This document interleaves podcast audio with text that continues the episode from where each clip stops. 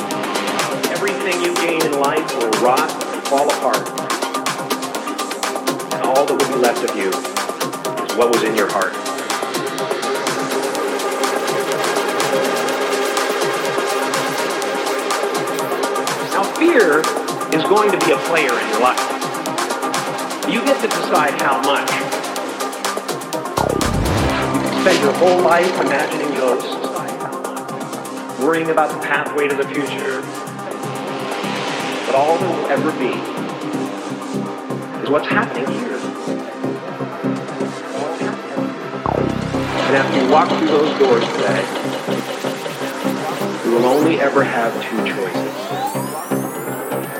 Love or fear.